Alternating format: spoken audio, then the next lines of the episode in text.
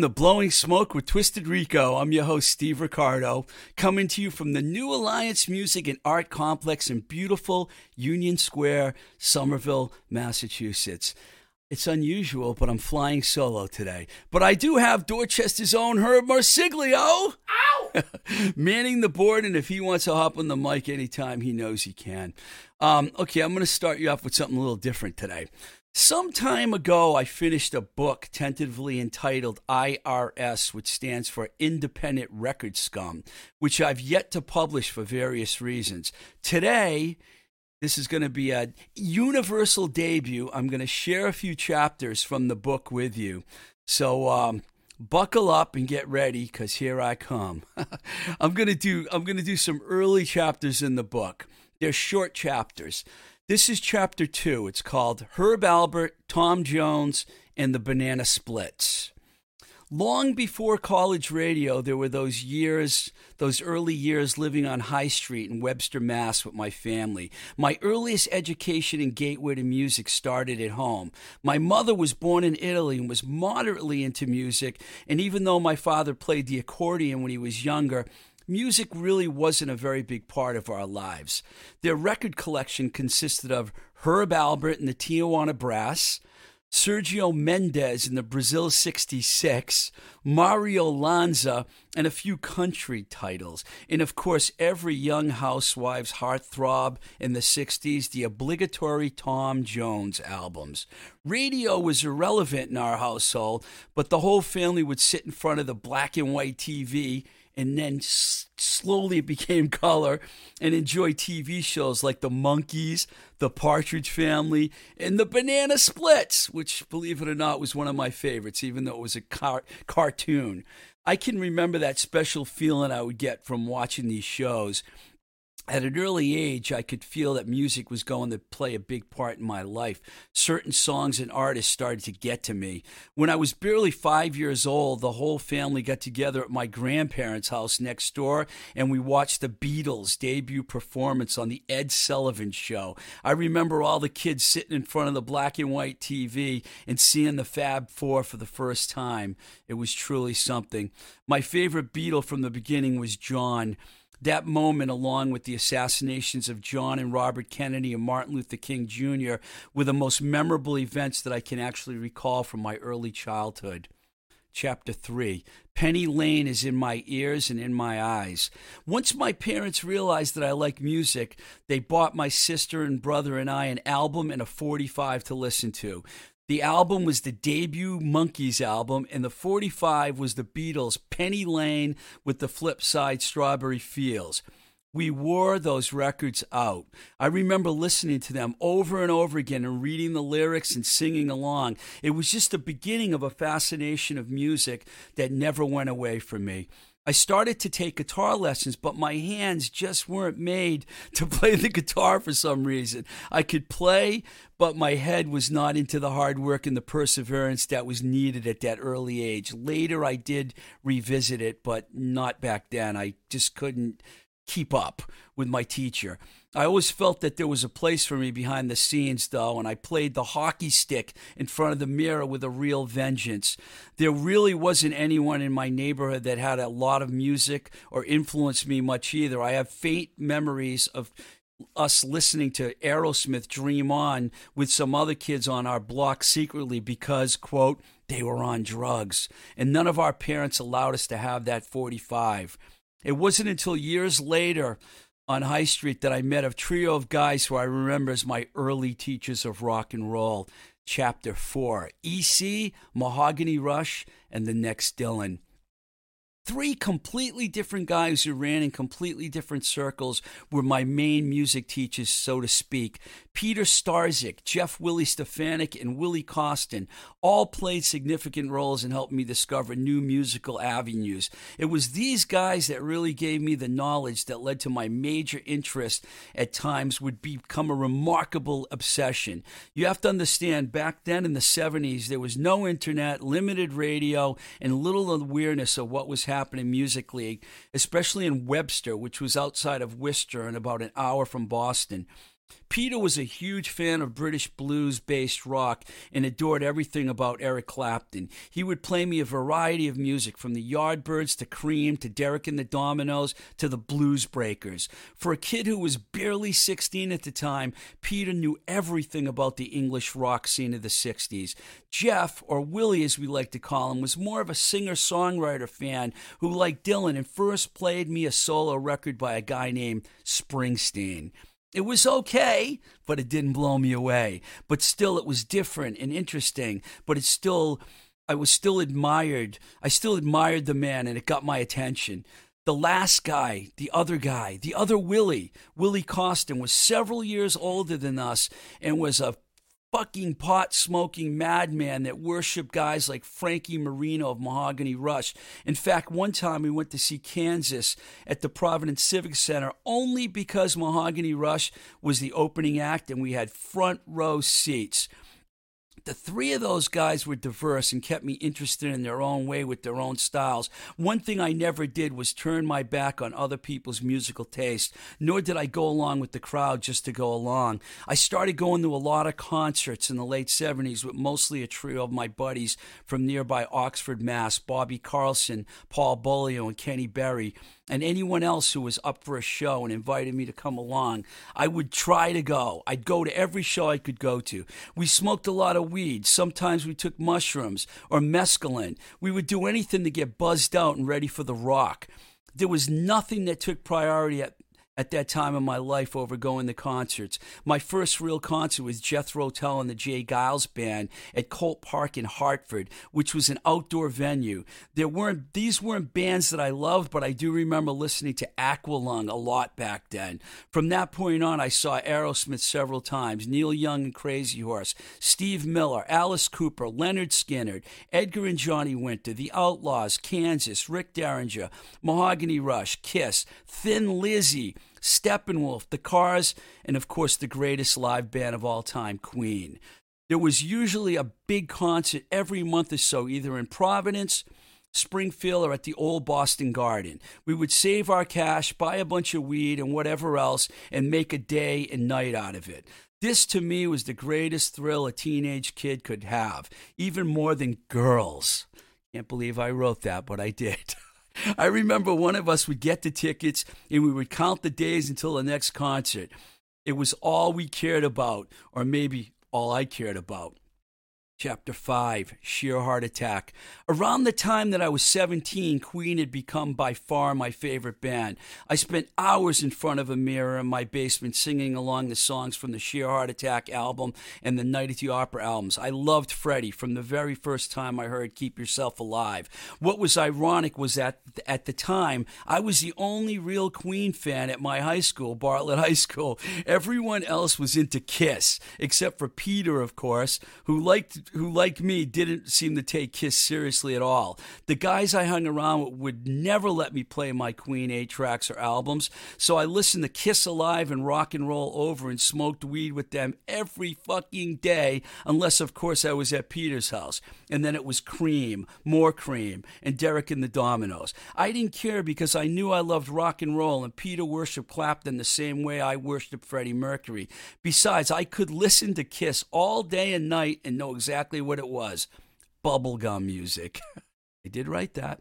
And laugh it off knowing bands like Queen and Cream were far superior in the talent department. Of course, I never said that to the guys that hung out in Peony, short for Peanut, LeBlanc's trailer, or they would have made fun of me and kicked my ass out and threw me out. They would have kicked my ass out the door. So I knew all the lyrics from Rock and Roll Over just to be safe. That album was okay, I guess. Well, there you have it. Chapters two to five from Independent Record Scum. Um, we're going to play a song right now by the band Tiger Bomb. This one is called Baby Come On. Take it away, Herb.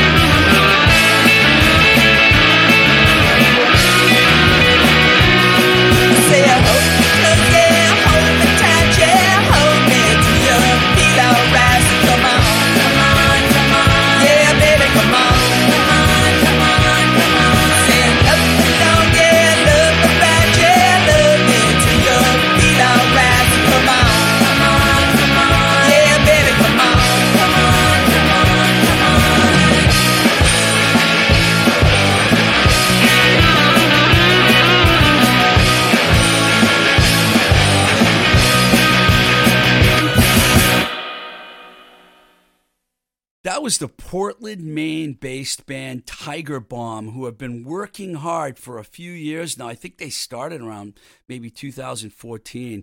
The hard work's starting to pay off for them. tell you, a really good band, really good garage rock band.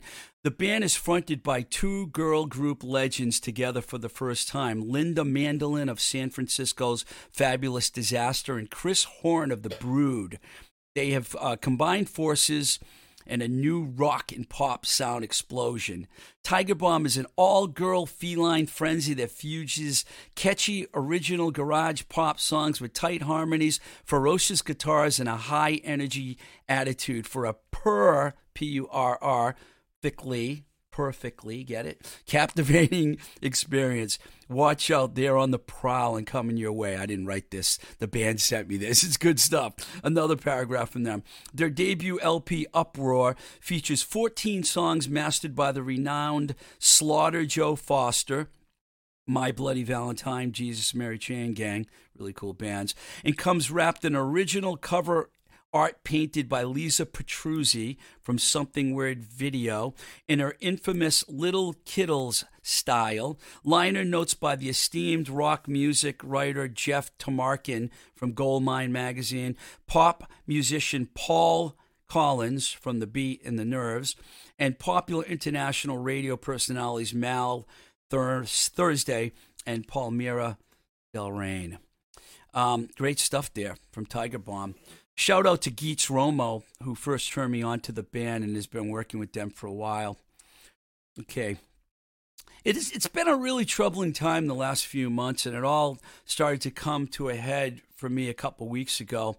I heard the words of of all people, Doc Rivers, Jaylen Brown, and Kenny Smith, all African Americans associated with the National Basketball Association. And the way they were reacting to the fact that in all these years, blacks are still not being treated equally, it really hit me hard. It's embarrassing to live in such a racist country, which has become worse the last four years. And I think you all know why. So, in my own way, I needed to become even more aware than I already was. And I started listening to blues and soul and black artists. Not that I hadn't before, but now I was really into it.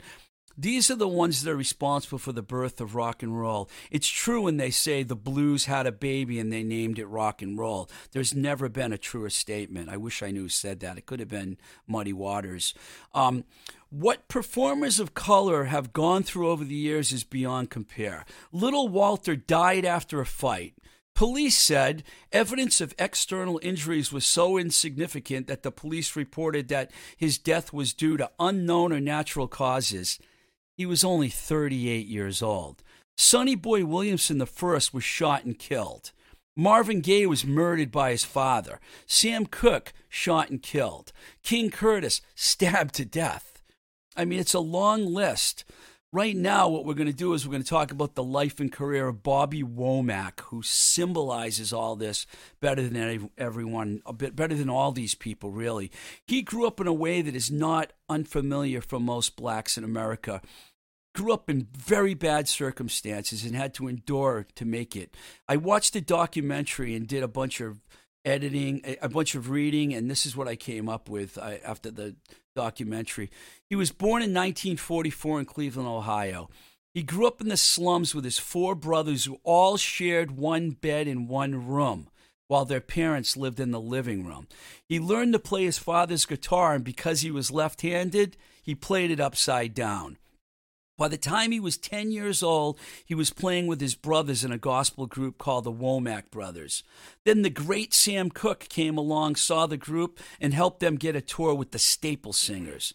Bobby dropped out of high school at the age 16. The brothers eventually signed with Cooke's label and changed their name to the Valentinos, and they relocated to LA.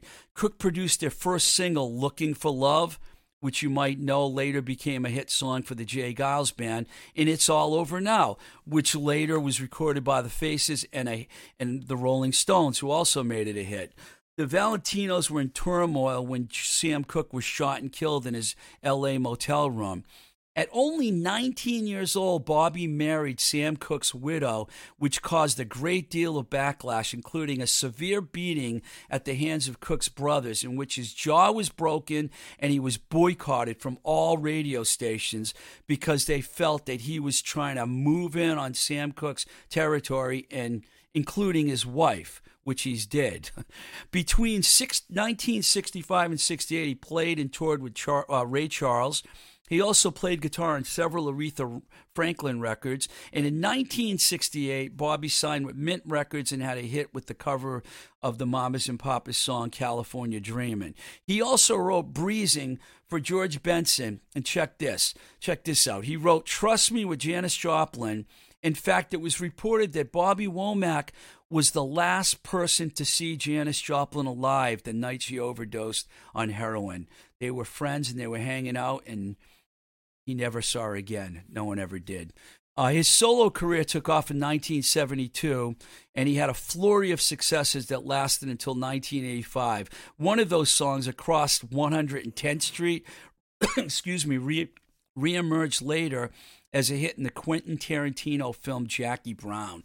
If you've seen the film Jackie Brown, the end of the film is she's singing along with the song 110th Street, which is Bobby Womack's biggest masterpiece.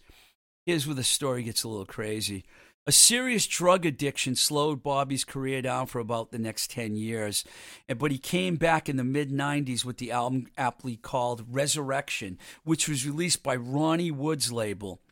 In fact, Rod Stewart, Wood, Keith Richards, Charlie Watts, and the great Ronnie Isley all played on the album along with uh, Bobby's brothers, Kurt, uh, Curtis, Friendly, and Cecil, who all contributed background vocals. He then went on to work with Todd Rundgren, The Roots, The Gorillaz, Van Morrison, and many others. His personal life was very turbulent. In 1970, his marriage with Barbara Cooke ended when she said he had molested her 17 year old daughter. Barbara fired a gun at Womack, which grazed him in the head, and they were divorced and they never spoke again. Usually happens when your wife shoots you.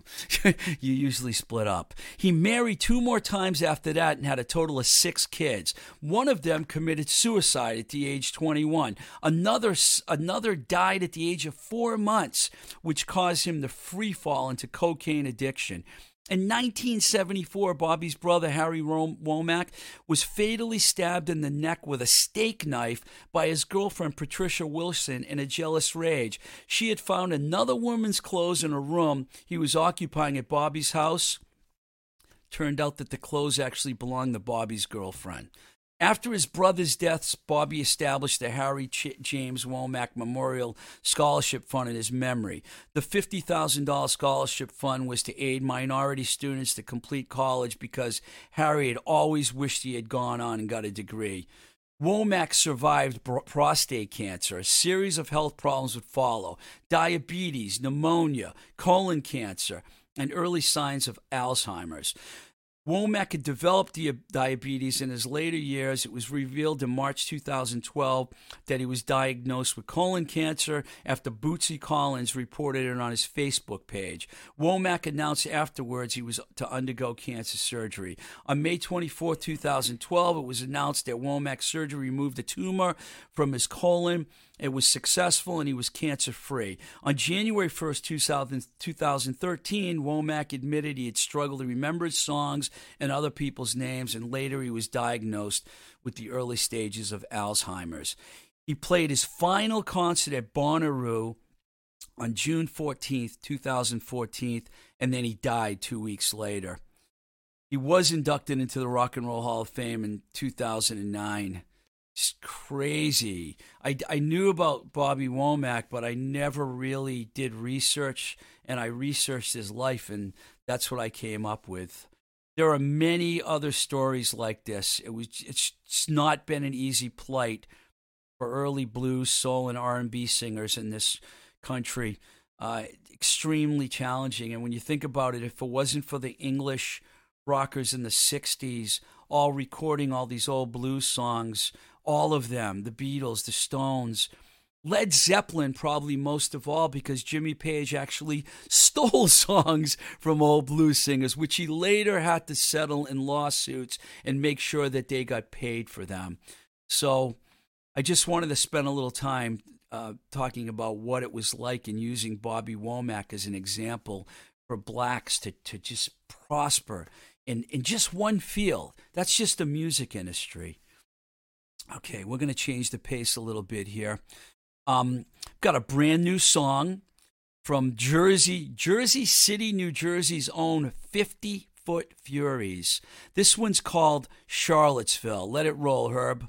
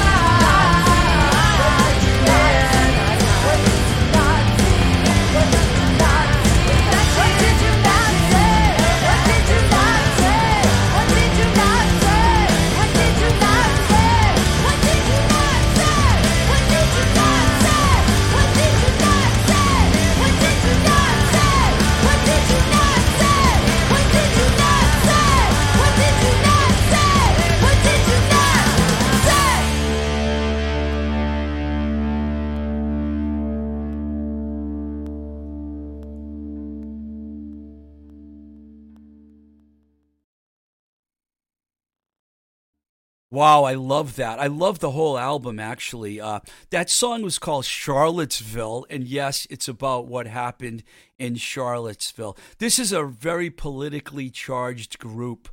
Riot Girl making a big comeback with 50 Foot Furies. Um, it's from their brand new album called Miss America President.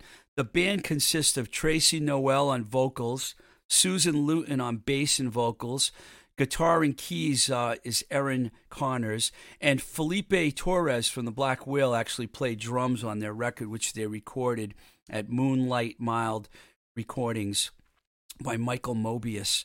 Um, in a feature on uh, bloodmakesnoise.net, excuse me, the band is described as follows. This is just a great description. If you take a little bit of Bikini Kill and mix it with the political lyrics of NOFX, Rage Against the Machine, and Big Helping of AOC, that's Alexandria Ocasio Cortez, and Ruth Bader Ginsburg, you begin to approximate 50 Foot Furies. The band, born in Jersey City, became a staple of shows at Pet Shop, White Eagle Hall, and FM where they blew the roof off the place on many occasions. They sure don't mince words or say anything other than exactly what's on their minds. Love this band. And I have to mention that Susan, based in Susan Luton, um, in the late 90s, she was in the band Three and a Half Girls that I used to manage. And then she was in Boxcar Betty, her own band, and then Heidi, that ended up getting signed to Warner Brothers. She's a good friend, known each other for a long time. We first met when she was a student at Tufts University, right down the street from here. And uh, she's been at it for years. She's really talented. She's basically a rock star. Susan Luton is a rock star, and I'm glad that she's doing so with this band. We love her. We couldn't be happy for her. She's also in the Black Whale, which is another cool band from uh, New Jersey. Wow. What a show this has been. Uh, our sponsor today is JLS Design. JLS Design does custom screen printing and embroidery. It's a great place to get t shirts, hats, hoodies, masks, etc. In fact, they made our Blowing Smoke with Twisted Rico t shirts and masks, which are both very popular. You can reach JLS at jlsdesignprinting.com uh, JLS Design Sales at gmail.com. If you contact JLS and you tell them that Blowing Smoke with Twisted Rico sent you, you'll get a 10% discount. And I know a few people that have been taking advantage of that. So please keep taking advantage of that. I did this before. I want to do it again. I want to take the opportunity to thank all the fine companies that have sponsored this podcast over the last year and a half. JLS Design, as we mentioned, the Dark Horse Pub in Somerville, Baby Loves Tacos in Pittsburgh, Moonbeam Cafe in Oakmont. Hi, Nina. Nina, Nina and Zach at Baby Loves Tacos, both of them great Pittsburgh people that are big fans of the show. If you're interested in sponsoring any of our shows, please contact us at twistedrico at gmail.com. Thanks again to our engineer, Dorchester's own Herb Morsiglio, and all our patrons whose monthly contributions keep the Blowing Smoke with Twisted Rico podcast going. Kevin, Ellie, Maria, Chris W., Heather, Sue, Matt, Dave, Brian, Benjamin, Lee, Chad, Christopher, Kim, Hector, and Kelly. If you want to support the show, go to patreon.com forward slash Twisted Rico. Please contact me at twistedrico at gmail.com or follow the Instagram page at Twisted Rico or on Twitter, Blowing Smoke BS. That's at Blowing Smoke BS. There's also a Facebook page, and you can find some of our shows on YouTube. This is Blowing Smoke with Twisted Rico. I'm your host, Steve Ricardo. Till the next time we say goodbye, keep the rock and roll alive. We love you, Busy Phillips. Close it out. The charm.